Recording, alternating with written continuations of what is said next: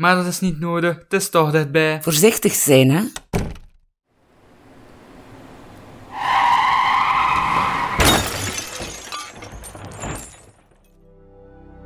Kato, 12 jaar. Ian, 16 jaar. Kato en Ian zijn twee van de bijna 100 slachtoffers van dodelijke fietsongelukken per jaar. Dit cijfer kan omlaag door het dragen van een fietshelm.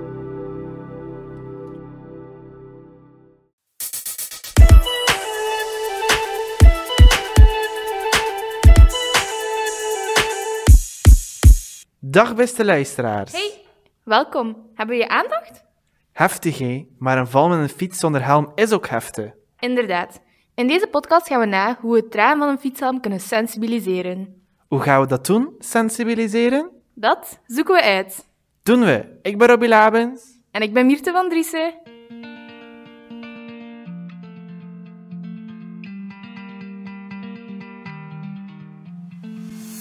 Robbie, draag jij eigenlijk een fietshelm? Nee, jij wel? Ik ook nooit. Dat is gevaarlijk. We zouden dat eigenlijk wel moeten doen. Ja, eigenlijk wel.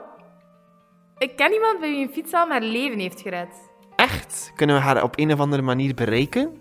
We zoeken eens op.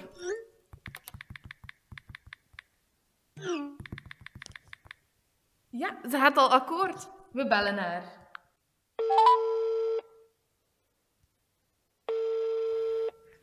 Hallo. Hallo. Zou je nog eens een verhaal willen doen van toen je gevallen was met de fiets? Ja, dus ik zat in het vijfde leerjaar en ehm, ik heb dan met, voor de eerste keer met mijn fiets naar school gegaan. En ja, in het gaan is allemaal, allemaal goed verlopen. Maar ehm, in terugkeren ehm, ben ik gevallen omdat er een zak aan mijn stuur hang, allee, hing. En dat is erin gedraaid, is in mijn wiel gedraaid. En waardoor dat ik eigenlijk ja, gecatapulteerd ben over mijn stuur. Ehm, dus ben met mijn hoofd op de grond beland geweest. Eh, eh, ja, met mijn hoofd op de grond beland. en ehm, daardoor eh, had ik een lichte hersenschudding. Doordat ik wel een helm aan had, maar moest ik geen helm aan hebben, dan ging ik een zware hersenschudding hebben of ergere hersenletsels. Ehm, mijn lip en mijn kaak was ook helemaal beschadigd. En er was ook een, een stuk van mijn tand af, waardoor ehm, dat mijn tand dan ook dood was en die moest dan ontzenuwd worden. Ehm, en ja, dat waren zo ja, kleine ingrepen. Dus ik was allee, eigenlijk raar gezegd een beetje blij dat allee, dat gewoon maar dat was. Maar het kon eigenlijk veel erger. Ehm, maar dan door die lichte hersenschudding kon ik wel allee, zo s'avonds weinig ehm, verdragen qua geluid. Want ik was net op weekend, allee, ik vertrok eigenlijk net op weekend toen ik eigenlijk ging thuiskomen met de familie. Dus dat was een druk weekend, leuk weekend. Maar ik kwam dan toe en ja, heel de familie was dan bezorgd omdat ik was gevallen. Ehm, en dat was eigenlijk normaal elke avond spelletjesavond of quiz of zo. Maar ik heb dat eigenlijk nooit kunnen meedoen. ehm, omdat ik veel te veel hoofdpijn had. Maar ja, soms allee, beet ik wel een beetje door de pijn. Omdat ik ja, toch wel een beetje ja, er bij zijn. Ehm, maar ik heb vooral eigenlijk verschoten het moment zelf. Ehm, en allee, in het begin durfde ik ook wel niet meer echt fietsen. Ik vooral um, ben dan op sportkamp gegaan. En dat was avonturenkamp um, bij Outside. En dan was het zo mountainbiken. En ja, ik heb dat dan niet meegedaan. Omdat ik echt gewoon te bang was om zo een helling naar beneden te gaan. Of gewoon zelf gewoon te fietsen in het, in het algemeen vond ik like, te eng. Ehm, maar nu is dat wel gebeterd. Allee, nu durf ik dat wel terug.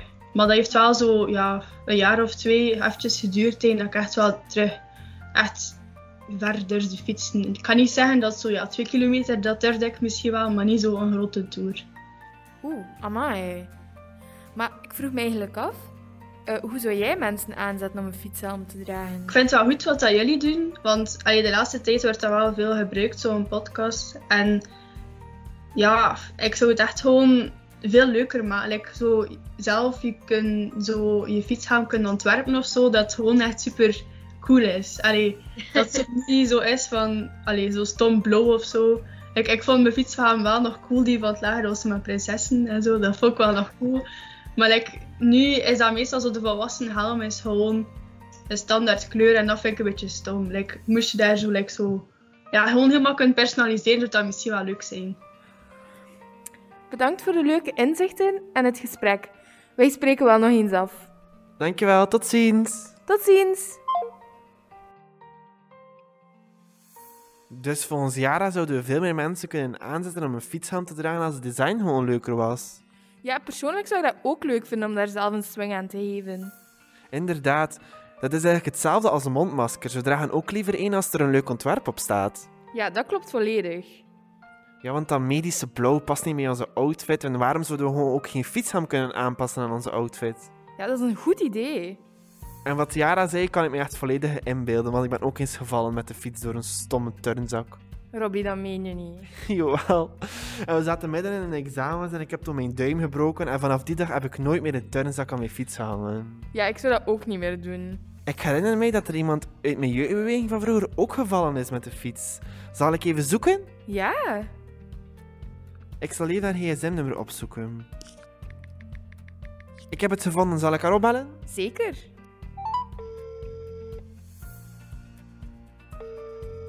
Hallo. Hey! Hey! Lang geleden, maar ehm, ik zou je even nodig hebben voor onze podcast. Zou je ons willen meenemen naar het moment waarbij je zwaar gevallen bent met de fiets? Ehm, ik denk dat het ongeveer twee jaar geleden is. Ehm, en ik was op eh, het Belgisch kampioenschap eh, aan het trainen. En ja, het was eigenlijk heel stom. Ik reed redelijk snel en eh, ik herinner me er ook niet zoveel van. Maar plots lag, ja, lag ik gewoon op de grond en zei, zei er eh, ja, iemand van EHBO dat, dat ik niet recht mocht gaan zitten. En eh, ja, mijn helm niet mocht afdoen en zo.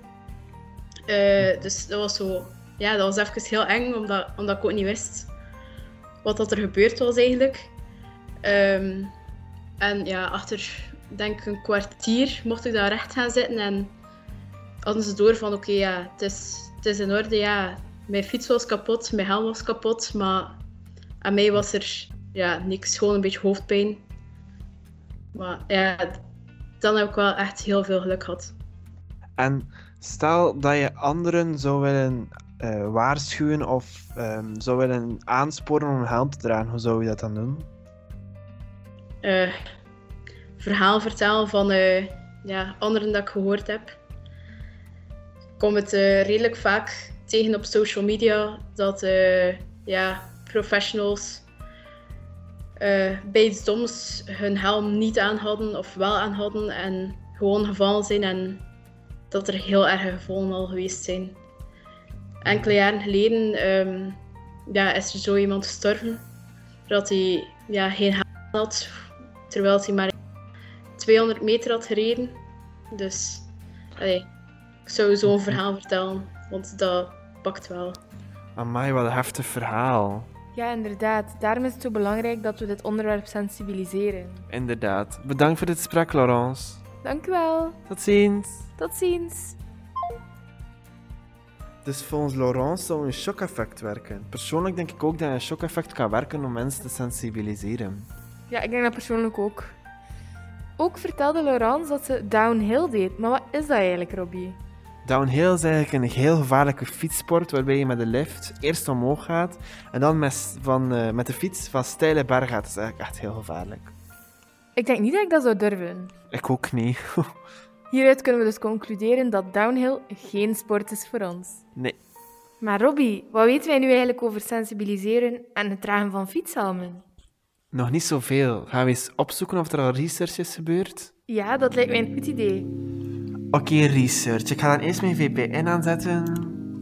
Zo. Ik ga gewoon helm intypen in de databank. Is dat goed? Of zou ik helmet pakken in het Engels? In het Engels gaan we meer zoekresultaten hebben, denk ik. Ja, ik denk dat ook. Heb je iets gevonden ondertussen? Ik ga eens kijken op Google Scholar. Oké. Ja, ik heb iets. Ja? Een onderzoek uit Nederland van Villamor uit 2008. Uit het onderzoek blijkt dat maar 2% een fietshelm gedraagt tijdens het fietsen naar het werk en tijdens recreatietochtjes 18%. Redenen waarom zo weinig mensen een fietshelm dragen zijn, ik denk er niet aan. Het geeft geen meerwaarde, oncomfortabel en niemand in Nederland draagt er een. Vooral de laatste reden is belangrijk. Ja, inderdaad. Dus ik denk ook wel dat er zo een soort van taboe rust op het dragen van een fietshelm. Ja, die indruk heb ik ook. Mhm, Dus als we gaan sensibiliseren, moeten we ervoor zorgen dat gewoon de vooroordelen en het taboe rond de fietshelm verdwijnen. Ja, klopt. Eigenlijk wel, ja. Mhm. Ik zie hier ook staan een ehm, onderzoek van de Keuning uit 2019. Ehm, uit meta-analyse eh, beweren zij dat automobilisten hun eh, rijstijl aanzienlijk aanpassen als er een fietshelm wordt gedragen. Aanpassen. In de positieve zin of in de negatieve zin? Wel, hier staat dat ze een kortere afstand gaan bewaren bij het voorbijsteken van een fiets. Kortere, dat is toch ook niet verstandig? Nee, ze zeggen wel dat het niet wil zeggen dat de automobilisten gevaarlijkere inhaalbewegingen doen, maar ze zijn wel korter. Dat Dus is bedenkelijk. ja, het dragen van een fietshelm is dus eigenlijk iets dat leeft en nog onderzocht moet worden. Ja, klopt volledig. Maar goed dat wij hier onderzoek naar doen. Inderdaad. Pff, Maar ik weet het even niet meer hoor, want wij hebben nu al zoveel manieren gezien om te sensibiliseren en hoe dat we mensen kunnen aanzetten om fietshelmen te dragen. Ik weet het ook allemaal even niet meer. Zou, zouden we het ten rade kunnen gaan bij professionele ehm, instanties of anderen? Laten we wat hulp inschakelen. Inderdaad. Wat dacht je van Kurt Hovelink? Wie is Kurt Hovelink? Een professionele wielrenner die ons zeker wat nieuwe inzichten kan geven. Ook heeft hij een traumatische ervaring meegemaakt in het verleden. Oei, en kunnen we hem bereiken? Ik denk dat we een kans hebben via Teams. Even opzoeken. Hij staat beschikbaar. Zullen we hem bellen? Laten we hem bellen.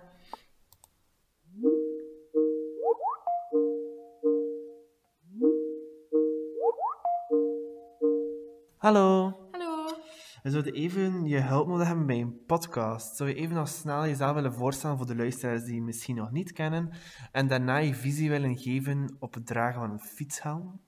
Eh, mijn naam is Kurt Govelink. Ik ben een wielrenner geweest en eh, ik vind het belang van een helm zeer belangrijk. Niet alleen in het wielrennen, maar ook in het dagelijks leven. Eh, heel belangrijk dat de ouders van in het begin duidelijk maken aan de kinderen dat dat een normale zaak is dat iemand een helm draagt. Want eh, het kan heel gevaarlijk zijn zonder. Want een ongeluk is heel snel gebeurd en het belang van een helm is daarbij soms. eh, uw, leven kan er soms van afhangen, want ik spreek uit ervaring.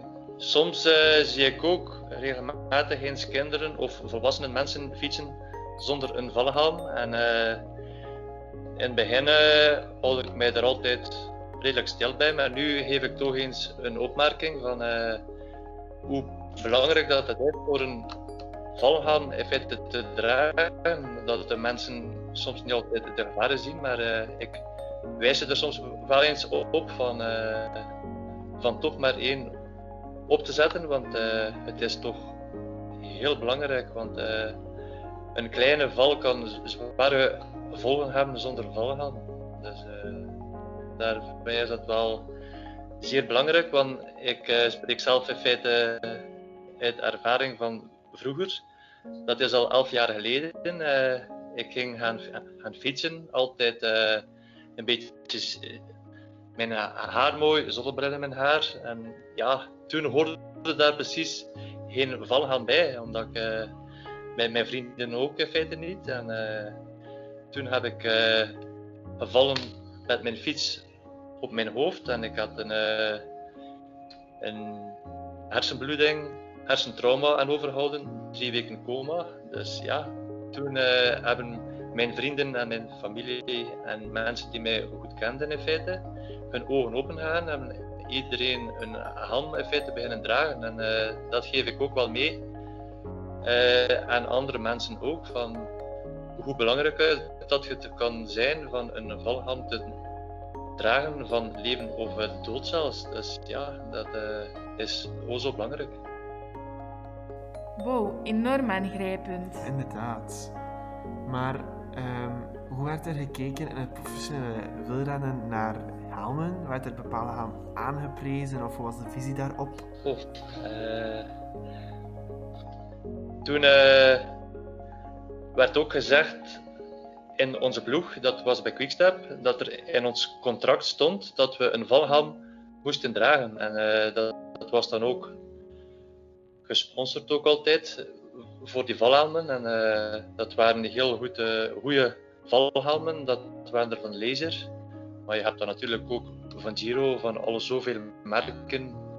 Dus dat eh, doet er in feite allemaal niet toe wat voor soort merk dat het in feite is. Want deze helmen, voordat ze in verkoop gaan, wordt dat altijd eerst getest. Eer dat ze mogen verkocht worden. Dus eh, als je nu een helm zou kopen van 50 euro of een van 300 euro, ze zijn alle twee even veilig in feite. Juist het gewicht kan misschien soms schelen van helm, maar niet eh, voor het gevaar is die wel goed of niet. Ja, ze zijn goed. Dus als dat nu goedkoop merk is of een duur merk, dat gaat dan gewoon over het gewicht dan, over de aerodynamica, maar niet, niet uh, over van zijn ze wel veilig. Ja, ze zijn veilig. Inderdaad, de prijs maakt totaal niet uit zolang je maar één op hebt. Inderdaad.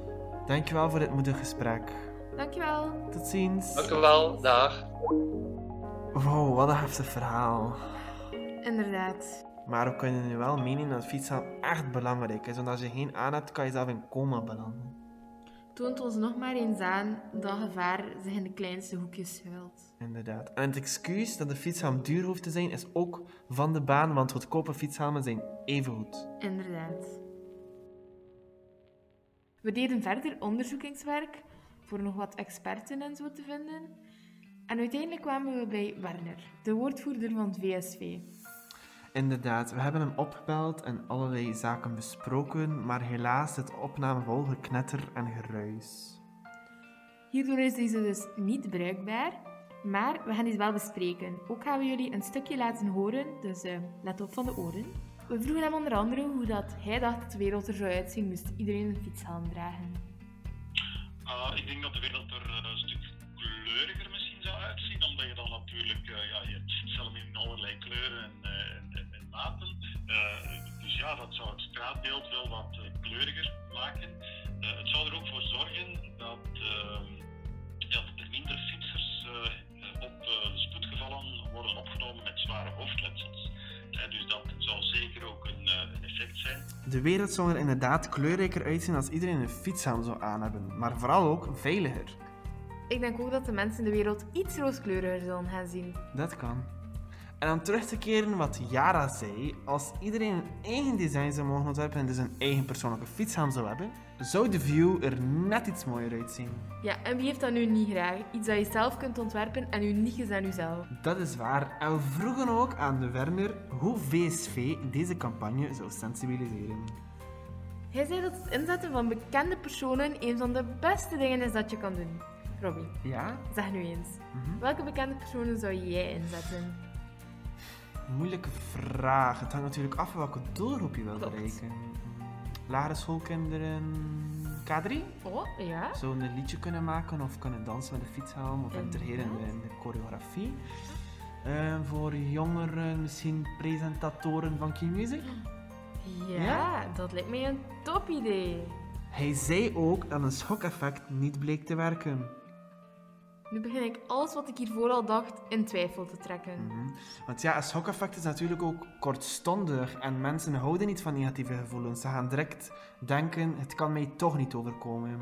Ja, dus eigenlijk zijn we beter van positieve gevoelens in te zetten, zodat de boodschap hopelijk wat langer blijft hangen. Inderdaad, veel input, tijd om de conclusie te maken. Ik denk het ook. Laten we eens alles op een rijtje zetten. Hoe zou Yara sensibiliseren? Ze zou vooral het design van de fietshelm aanpassen, zodat iedereen zijn gepersonaliseerde fietshelm met veel meer motivatie opzet. Laurence daarentegen zou gaan voor het shock-effect. Mensen even kort bang maken in de hoop dat de boodschap blijft hangen. Kurt zou ervoor zorgen dat sensibiliseren zelf niet eens nodig is. Hij zou het al duidelijk maken vanaf kleins af aan dat een fietshelm heel belangrijk is en ervoor zorgen dat iedereen het gewoon is eentje te dragen. Werner gaat voor het uitstralen van positiviteit. Aan de hand van positieve boodschappen mensen aanzetten tot het dragen van een fietshelm. Maar hoe kan communicatie hierin het verschil maken? De manier waarop je iets zegt is veel belangrijker dan in wat je het zegt. Klopt. Tot slot willen we iedereen bedanken die deze podcast mogelijk heeft gemaakt. De stemacteurs uit de intro. Yara, Laurence. Kurt Hovlenk, Werner Dobbeleer van VSV. Zapsplat. En YouTube Studio. Dank u wel. Drop.